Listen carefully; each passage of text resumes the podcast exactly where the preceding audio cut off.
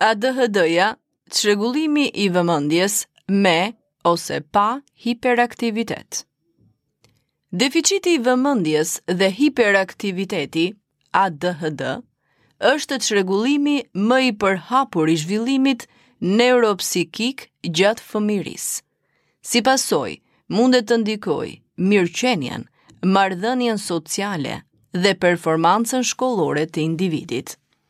Çrregullimi nga deficiti i vëmendjes dhe hiperaktiviteti shfaqet mes moshës 6 dhe 18 vjeç me një përhapje mes 2 dhe 4%, sidomos në grupmoshën shkollore.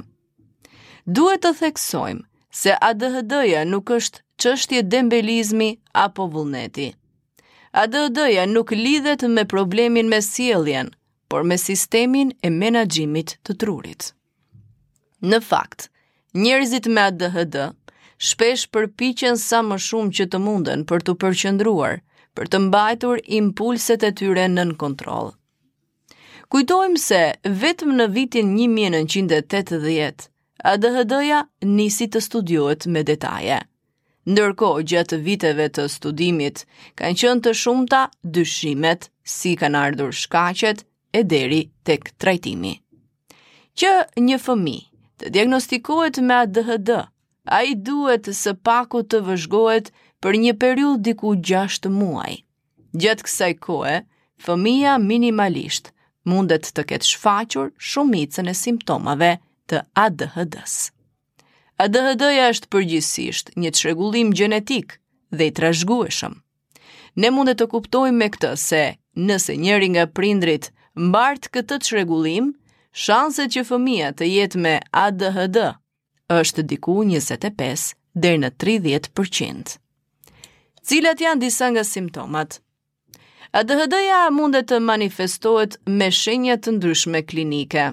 Ato më klasiket janë hiperaktiviteti, impulsiviteti dhe paaftësia për të qenë i vëmendshëm për një kohë të gjatë. Ja disa simptoma. Vështirësi në fokusimin apo përqendrimin në detyra. Harresa në kryerjen e detyrave.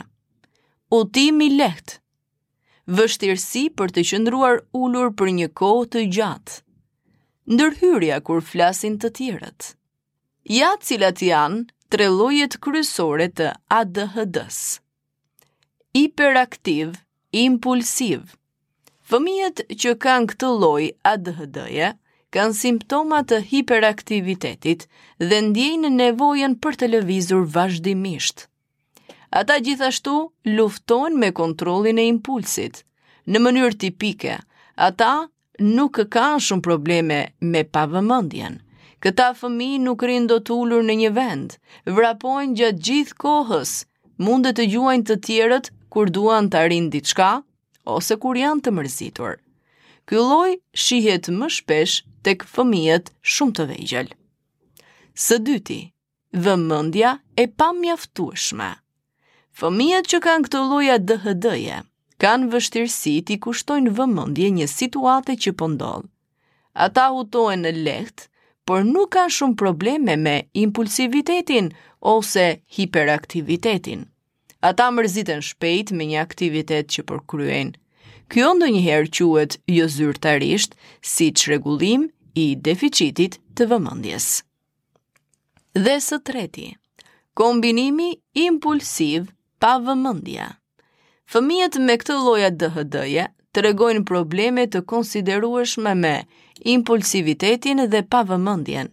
Ata gradualisht mundet të kenë më pak probleme me impulsivitetin kur ata hyjnë në vitet e para të adoleshencës. Cilat mundet të jenë disa metoda për të ndihmuar fëmijën tuaj me ADHD? E nisim me detyrat e shtëpisë, aty ku fillojnë edhe problematikat e para. Do të ishte mirë të ndani detyrat në pjesë, pavarësisht nëse duhet t'i mbarojë të gjitha. Më rëndësi ka që fëmija të mos i marrë detyrat inat dhe të refuzojë herën tjetër. Jepni kohë të mjaftueshme fëmijës tuaj të marrë komandat që i keni udhëzuar. Mundohuni të mos kritikoni, lavdëroni përpjekjet, edhe nëse nuk i përmbush parashikimet tuaja. Mendoni për shpërblime të vogla dhe të kënaqshme, fëmijët me ADHD shpesh kanë nevojë për stimuj për të vazhduar punën, por mos harroni, jo shpërblime me ushqim apo me diçka që mundet ta dëmtojë atë. Për shembull, sot do të nisim me detyrat që ti ke më shumë qejf. Marrim librin në fillim? Si thua? Ndërkohë, prisni që fëmija juaj të realizojë komandën. Më pas, lexoni detyrën, nëse janë disa pyetje, ju fokusoni tek njëra prej tyre. Përdorni një intonacion inkurajues. Bravo! Sa mirë që realizove? Isha e sigurt që ta bëje kaq mirë. Wow, fantastike! Pas mbarimit të detyrës, mundoni ta evitoni fjalën detyrë, por ta zëvendësoni me diçka si është një kërkesë, kemi një pyetje, është një ngjarje për ta zgjidhur, dhe mund t'i jepni një lodër të preferuar ose të bëjë diçka që ai e ka qejf më pas. Në përditshmëri, kërkoni vëmendjen e fëmijës tuaj duke thënë: Shiko nga unë të lutem, unë kam nevojë që të më dëgjosh tani. Mundet ta lehtësoni procesin duke u ulur përballë fëmijës dhe duke kërkuar shikimin e tij. Flisni qetësisht. Mund të duket normale të bërtasësh për të tërhequr vëmendjen e fëmijës, por këshillohet të tërhiqni vëmendjen e tij më mirë duke folur me një zë të butë. Jepni udhëzime me një qetësi, madje edhe me një ton të ëmbël. Fëmija juaj mundet të jetë në gjendje të përqendrohet më lehtë në përmbajtjen e asaj që duhet të thoni, kur ai nuk ka nevojë të përpunojë irritimin që mundet t'i shkaktojë zhurma. Mos harroni, minimizoni shpërqendrimet.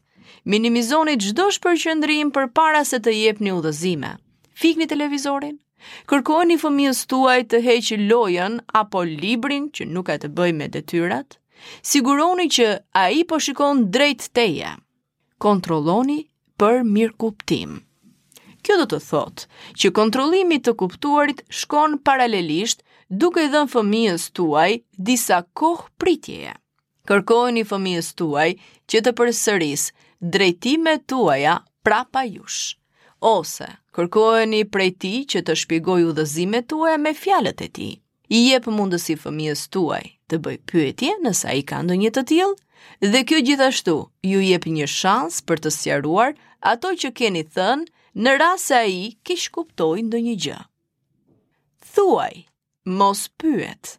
Shumë prindër shprehin udhëzime si pyetje të tilla si A do ta vendosni tryezën ju lutem? fëmija juaj mund të mendojë se ka një zgjedhje për udhëzimet në vijim. Riprodhoni ato që keni thënë në mënyrë që t'i thoni fëmijës tuaj se çfarë të bëjë në vend që ta pyesni atë. Thjesht duke thënë, ejani, vendosni tryezën ju lutem. Jini të saktë në ato që thoni. Fëmijët që kanë probleme me planifikimin dhe organizimin ose gjuhën, mund të kenë probleme me udhëzime të paqarta. Ju mund të mendoni se fëmija juaj nuk po ndjek udhëzimet për të pastruar dhomën e tij, por ndoshta ai ka vërtet probleme për të kuptuar se si të fillojë. Dhe mos haroni të festoni. Çdo përpjekje sado e vogël e fëmijës tuaj drejt përqendrimit, është të mirë të lavdërohet, pse jo dhe të festohet. Kur fëmijët e kuptojnë se për çfarë janë të mirë, kjo krijon besim dhe i ndihmon ata të qëndrojnë të motivuar kur gjërat bëhen të vështira. Shembull, sot ia arrite shumë mirë, ti u përqendrove dhe realizove detyrën. për shembull pikturën, të ngrënit, detyrat, deri në fund. Unë e dija që ti do mundeshe. Kemi dëshirë ta festojmë, si thua, ikim te një kënd i lojrash? Prindërit që kanë fëmijën e tyre me ADHD, sigurisht nuk e kanë të thjeshtë, por ama mund të bëjnë shumë për ta. Dhe më e mira është që çdo gjë të bëhet me dashuri.